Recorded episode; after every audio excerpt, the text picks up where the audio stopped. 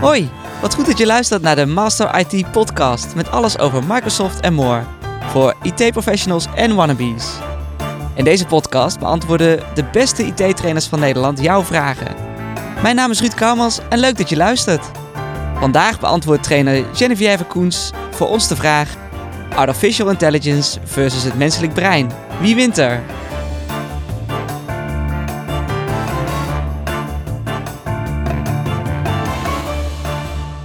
Nou, Geneviève, leuk dat je er bent. Welkom in onze allereerste aflevering. Hartstikke spannend en leuk uh, dat, we, dat we hier konden vragen. Wat, uh, wat doe je zo als, als trainer? Ja, hi. Uh, leuk dat ik mocht komen. Vind het hartstikke leuk. ja, ik geef een aantal Microsoft cursussen les, waaronder de AI 900, de Artificial Intelligence Fundamentals. En ik ben eigenlijk een Power BI specialist geworden in de laatste jaren. Ah, kijk, en je had ook een boek geschreven over Power BI, eh, zag ik. Dat klopt, ja. Ja, ja, ja, ja. Ik, ik heb me er zo erg in verdiept dat ik uiteindelijk een boek heb geschreven, Power BI Basis. Op bol verkrijgbaar. Kijk, hartstikke goed. Nou, vandaag gaan we het over AI hebben. En als ik aan AI denk, ja, dan denk je toch al snel aan de Terminator, hè? aan die, al die apocalypse films van de doomsday scenario's en nog wat. Geneviève, waarom zijn zoveel mensen bang voor AI, denk je? Ja, dat is een hele goeie. Uh, ik denk dat het komt omdat mensen van nature toch al bang zijn voor uh, het onbekende. Hè? Als ze geen controle ergens op kunnen uitoefenen, als het niet voorspelbaar is, dan zijn ze bang. En ja, die filmmakers met uh, dingen zoals de Terminator of de Matrix, hè? Ja, die maken het natuurlijk ook niet beter. dus ik denk dat het daar een beetje vandaan komt. Ja, precies voor de geschiedenis van AI moeten we volgens mij flink de tijd uh, de geschiedenis in uh, duiken. Ja, uh, artificial intelligence, hè, waar is het begonnen? Nou, eigenlijk moet je heel ver terug naar de eerste wiskundigen. Hè, in 1843 had Ada Lovelace al een logaritme geschreven dat door machines uitgewerkt kon worden, hè, zelf. Uh, en daarna kwam natuurlijk Alan Turing. Nou, die kent bijna iedereen wel. In 1963 had hij een machine ontworpen die een uh, algoritme kon uitvoeren die veel sneller werkte dan de mens. En eigenlijk de combinatie met die geniale wiskundigen en uh, filmmakers hè, of, of, creatieve denkers, zoals ehm, de schrijver van Wizard of Oz, die eh, voor het eerst beschreven een tinnen man zonder hart die leefde en, en rondliep. Oh ja. Of uh, de film Metropolis, waar we voor het eerst een menselijke robot zagen. Frits Lang, ja, inderdaad. Ja, nou, door die combinatie van die twee ja, werd het begrip kunstmatige intelligentie eigenlijk al best wel bekend in de jaren 50. Nou, en daarna uh, zijn er voor mij eigenlijk twee mijlpalen. Uh, als eerste hebben we, hebben Deep Blue, hè, die, eh, die computer van IBM, die toen uh, schaakkampioen Gary Kasparov versloeg. en dat was eigenlijk de eerste keer dat een computer slimmer was dan een mens. Hè, en gewoon waarneembaar slimmer dan een mens. En de tweede vind ik wanneer AlphaGo de, de wereldkampioen Lee Sedol versloeg in het spelletje Go. Um, ja, en dat was, dat was ook. Eh, het spelletje Go lijkt een beetje op schaken, maar het is veel complexer. Veel moeilijker. Dus ze hadden nooit verwacht dat een computer dat zou kunnen. En eigenlijk tussen die twee mijlpalen zitten supergrote verschillen. De computer die uh, Deep Blue, die, uh, die de schaakkampioen versloeg, die is allemaal regels gevoerd. En die volgde echt bepaalde patronen die vanuit die regels kwamen. Uh, maar met AlphaGo was het heel anders gegaan. Uh, daar hebben ze de basisregels gevoerd aan de computer. En toen gezegd van nou, ga nu maar met anderen spelen. En ga het spel maar echt leren kennen. Hè? Zoals een kind een spel leert kennen. Um, nou, hij heeft toen tegen, tegen mensen online gespeeld. hij heeft tegen andere computers gespeeld. En hij heeft uiteindelijk ook tegen zichzelf gespeeld. En uh, op een gegeven moment in het kampioenschap is er een zet die hij maakt. Waarvan de, de presentatoren zeggen van nou wat doet hij nou? Wat gek joh. Dit kan helemaal niet. Hij maakt een fout. Uh, en het is een zet dat eigenlijk kinderen al wordt afgeleerd in het begin. Van nou zo'n zet moet je nooit maken. Dat moet je echt niet doen. Uh, en uiteindelijk wint hij daardoor het toernooi. Dus dat is echt niet te geloven. Hij deed juist iets heel erg intuïtief. oh wauw. We hebben daar volgens mij ook een fragment van. Laten we naar luisteren. The Google uh, team was talking about uh, is this kind of, of evaluation uh, uh, value. Uh, That's a very that's a very surprising move.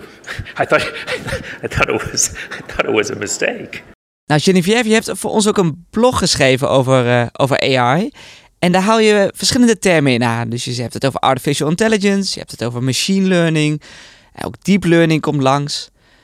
Wat zijn nou de verschillen tussen deze begrippen? Ja, eigenlijk artificial intelligence, of kunstmatige intelligentie zoals we het eh, in Nederland noemen, eh, gaat eigenlijk om alles dat gezien kan worden alsof het door een mens is uitgevoerd.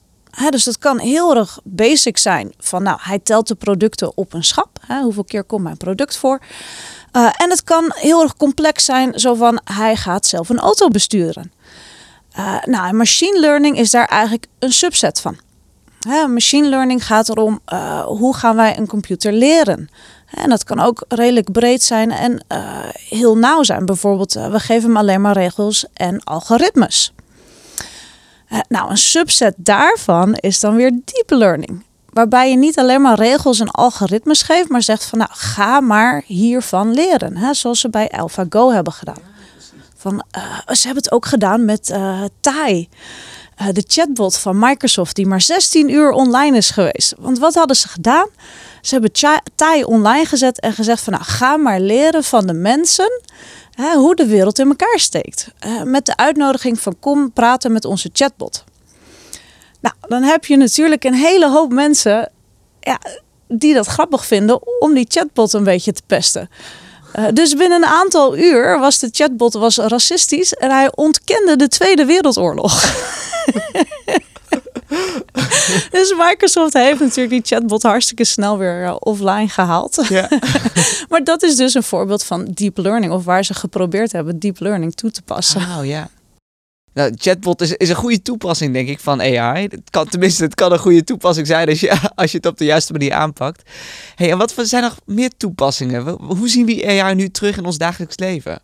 Eh, ja, er zijn natuurlijk heel veel toepassingen. Hè. Zo simpel als eh, hè, ik stuur jullie een factuurtje. Eh, jullie computer haalt dat binnen, die haalt het bedrag de BTW eruit, die schrijft het bij een boekhoudprogramma en ik word automatisch betaald. Hè, super simpel, dat kent iedereen wel. Of de zelfrijdende auto's. Ik denk dan meer aan, aan veiligheid op de, op de werkplaats bijvoorbeeld. Of veiligheid voor de chauffeurs. Hè. Om, dat er wordt opgelet dat ze wel zitten te kijken naar de weg en niet naar een mobiele telefoontje bijvoorbeeld. En als dat gebeurt, kan er ook meteen actie worden ondernomen. Wat ik iets ontzettend interessants vind, is uh, artificial intelligence in taal. Uh, taal is ontzettend moeilijk te interpreteren. Hè, gewoon een taal vertalen is redelijk makkelijk. Uh, maar hè, als wij praten, ja, dan kijk ik naar je. Er is een gezichtsuitdrukking, er is lichaamstaal. Hè, bijvoorbeeld als ik sarcasme over wil brengen, ja, jij hoort dat wel. Maar artificial intelligence hoort dat niet. Uh, dus dat vind ik wel heel mooi. Hoe ze zijn er nog niet, maar ze zijn wel een heel eind. Bijvoorbeeld met sentimentanalyse. Uh, ze kunnen al kijken naar een zin en kunnen daar dan een waarde aan koppelen. Hè? Is dit positief, is dit negatief? Het is, ik, ik vergelijk het altijd als je zelf ook een nieuwe taal aanleert. Dan gaat het natuurlijk niet alleen over de woorden leren, maar ook inderdaad over nou, de, de intonatie leren. Je moet, er zitten allemaal culturele dingen in de subtekst. Het ligt ook aan welke regio je vandaan komt. Er zitten ontzettend veel ingewikkelde toes, ja, ingewikkelde dingen eigenlijk in. Het is ontzettend moeilijk. Hè? Zoals bijvoorbeeld een kind die leest een boek en die weet precies waarom in dat boek een jongetje helpt. Uh, artificial intelligence kan dat gewoon nog niet. Uh, dus dat vind ik wel heel interessant. Hè? Heb je nog andere bedrijven die, die nieuwe AI-technieken toepassen? Uh, ja, wat ik heel mooi vind is natuurlijk in de medische wereld. waarbij ze al van alles en nog wat gebruiken. Bijvoorbeeld het kijken naar foto's onregelmatigheden zijn voor mensen uh, nog best moeilijk te zien. Uh, maar artificial intelligence pikt er feilloos uit. Uh, wat heel veel wordt gebruikt is voorspellingsmodellen. zoals klassificatie regressie van ja, gaat een klant wel of niet terugkomen? krijgt een klant wel of niet een lening? Oh, maar dan zeg je iets. Krijgt een klant wel of niet een lening? Want dat, is, ja, dat ligt natuurlijk heel gevoelig. als wij een computer laten besluiten of iemand wel of niet geld heeft om bijvoorbeeld een nieuw huis te kopen, ja, waar baseert die computer dan die keuzes op? Dat is toch best lastig om dat inzichtelijk te Nou krijgen. ja, dat is, dat is natuurlijk een, een discussie die eh, door heel veel mensen wordt aangegaan. Hè? Die ethiek in AI. Eh, John Laird zei het heel goed. Hè? Eh, hij is heel erg bang dat slechte mensen artificial intelligence gaan gebruiken als valse krachtvermenigvuldiger. Hè, zoals eh, het aansturen van wapens om mensen te onderdrukken. Eh, of identiteitsroof. Veel makkelijker te maken. Ja, dus eh, ja, er wordt echt heel veel over gesproken. Ik moet ook weer denken aan de kinderopvangtoeslagaffaire, lang woord. Wat natuurlijk heel veel in het nieuws is gekomen, waar de regering ook is, door, is door afgetreden. Hè, dat, dat had ook met AI te maken. Hè? De, de algoritmes van de Belastingdienst, die gingen kijken wie er misschien een fraudeur zou kunnen zijn. En kwamen er, daar kwamen allemaal etnische, etnische verschillen tussen. En ja, je kunt je afvragen of dat wel, of dat wel goed is. Want ja, je wil niet dat be- bepaalde minderheden sneller gecontroleerd gaan worden of sneller ge- aange- aangewezen worden als mogelijke fraudeur. Ja, en dat is het probleem. Hè? Als je kijkt naar de ethiek en AI, dan eh, kunnen er twee dingen fout gaan. De algoritmes eh, kunnen vooroordelen hebben. En zelfs al hebben die algoritmes geen vooroordelen, dan kunnen die vooroordelen toch doorstromen door de data die je voert aan jouw model. Dus dat is best wel problematisch. Hè? Ik heb eh, heel lang in Amerika gewoond. Er is in Amerika heel veel te doen over eh, testen op school. De testen op Amerikaanse scholen zijn heel voordelig voor bepaalde mensen in bepaalde milieus. En ben je net niet in dat milieu geboren, ja, dan zijn die testen moeilijker voor jou.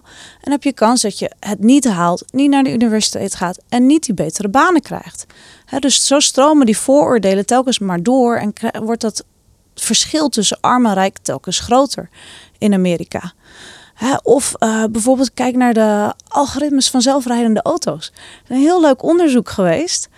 eh, waarbij ze Oosterse en Westerse landen hebben gevraagd. Van ja, als een auto nou in een situatie komt waarbij hij moet kiezen tussen het redden van eh, de voetganger of het redden van de bestuurder. Waar zou jij dan voor kiezen? Wauw. Ja, nou in de Oosterse landen kozen ze over het algemeen voor het redden van de voetganger. Terwijl daarentegen in de Westerse landen ze heel vaak kozen voor het redden van de bestuurder. Ja, dat is, vind ik een moeilijke vraag. Waar zou jij voor kiezen? Ik, ik zou dan neigen naar het redden van de eh, eh, voetganger. Oh, toch wel. Ja, toch wel. Ja, nou, het is wel heel grappig, want Nederland kwam er ook uit als een uitzondering in de westerse landen. Dat ze Oh. toch meer kozen voor de voetganger. Dus dat is grappig dat je dat zei. Dan ben ik toch een echte Nederlander. ja. Maar ja, gelukkig zijn er eh, wel heel veel landen bezig met het ethisch maken van die artificial intelligence. Hè? Want die zien die gevaren ook gelukkig. Hè? In Europa zijn er al heel veel wetten. Ehm, Microsoft is er ook ontzettend druk mee bezig en heeft allerlei eh, commissies. eh, waarbij ze ervoor zorgen dat artificial intelligence betrouwbaar en veilig is. eh, dat het toegankelijk is voor iedereen. dat het begrijpelijk is voor iedereen. Wat ik een hele mooie regel vind, is dat ze altijd willen dat uiteindelijk de mens verantwoording heeft voor artificial intelligence. Eh, en tot slot eh, willen ze ook heel graag dat artificial intelligence eerlijk is. Maar ja, eh, dan komen we weer terug bij wat is eerlijk? Dat is ook een ingewikkeld concept. Ook heel menselijk eh, natuurlijk, om dat te bepalen wat eerlijk is. Maar ik denk dat het inderdaad heel belangrijk is dat degene die de besluiten nemen eh, en die zich baseren op AI, in ieder geval weten waarom de computer tot een bepaalde beslissing komt. Hè, dat het niet een soort van blackbox situatie is en dat je eigenlijk niet weet waarom er nou bepaalde data uit die computer komt, eh, komt rollen, zeg maar. Ja, heel belangrijk dat de processen transparant zijn. Ja, precies. Ja, ja. Laten we doorgaan naar het onderwerp over de toekomst. Hè? Want nou, als, als je aan, aan AI denkt, dan denk je al snel aan de toekomst. Ehm, je zei net al dat AI een, een hoop nog niet kan. Hè? Bijvoorbeeld zoals taal en taalanalyses eh, maken. Wanneer kunnen we dat verwachten? En welke banen gaat AI, denk je, overtreffen? Ja, ik, ik denk dat het allemaal nog wel even gaat duren hoor. Want je moet je bedenken dat AI ontzettend du- duur is. Hè, als je AI echt wil laten werken als een mens, eh, ja, dan moet hij intelligent zijn van de ene taak naar de andere taak. Eh, dat heet algemene intelligentie. En dat, dat is nu nog niet mogelijk. Hè. Hij kan één ding heel goed, zoals bordspelletjes of foto's bekijken. maar verder kan hij het niet van de ene naar de andere taak kan hij dat niet doen.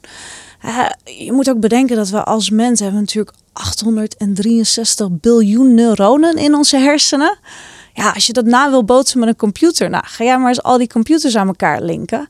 Natuurlijk hartstikke veel energie en geld en eh, heel veel data heeft het ook nodig. Nou, dat datastukje wordt al wel een stuk beter hè, door eh, IoT, Internet of Things, eh, connectiviteit. Dus dat gaat dan een stuk beter. Maar ja, hè, hoe, gaan we, hoe gaan we intuïtie nabouwen? Hè, dan moet je zoveel dingen koppelen uit het verleden. Als dat eenmaal komt, als het wel mogelijk is, dan denk ik wel dat er hele mooie dingen mee, uh, dat we er hele mooie dingen mee kunnen doen.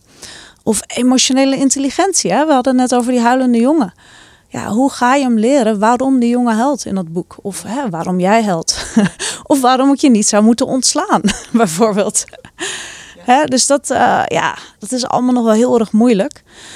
Uh, maar goed, hè, als het er dan uiteindelijk wel komt. Uh, er is een hele leuke studie geweest van uh, Oxford University. En die heeft 352 machine learning experts gevraagd van nou, hoe zien jullie nou de toekomst?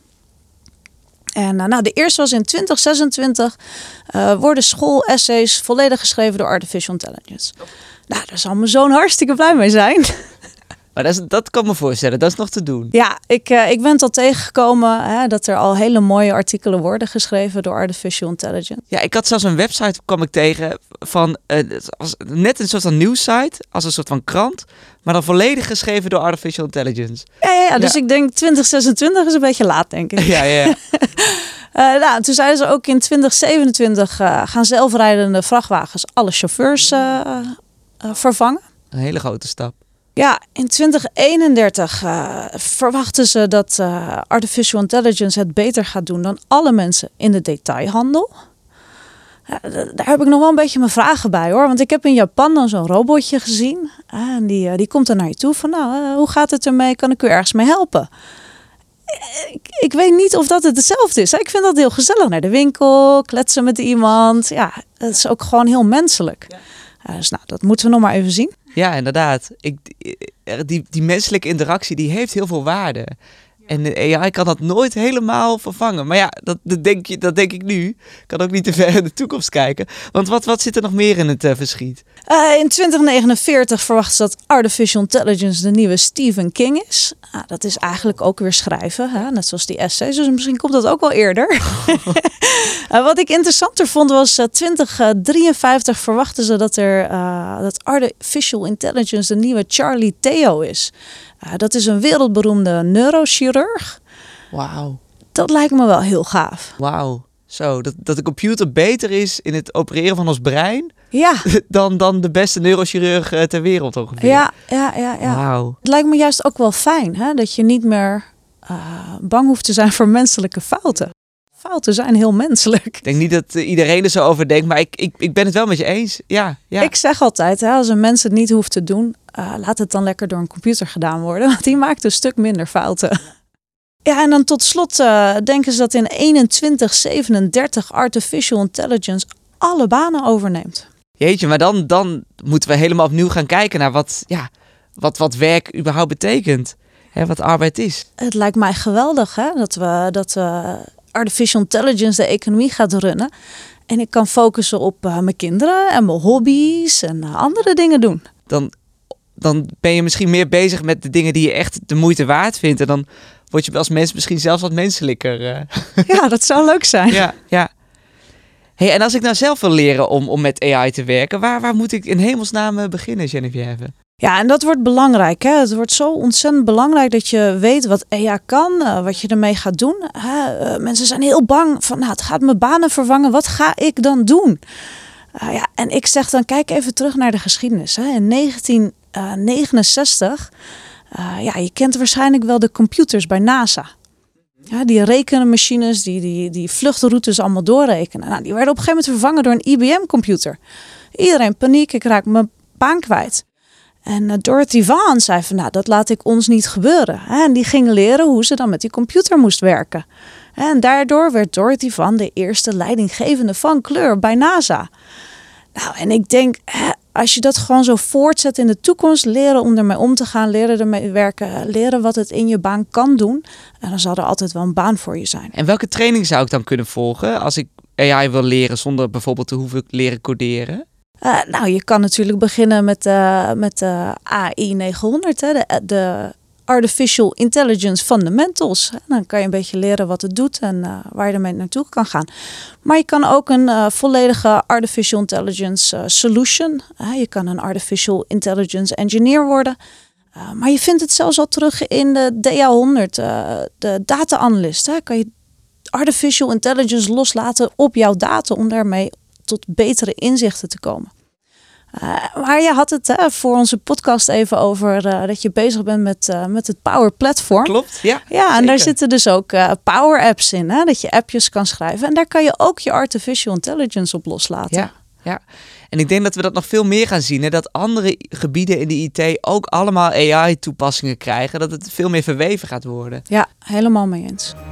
Nou, Geneviève, heel erg bedankt voor het beantwoorden van deze vraag. Ik, ik vond het hartstikke leuk om voor jij te gaan. Ja, super. Hartstikke leuk dat ik er mocht zijn.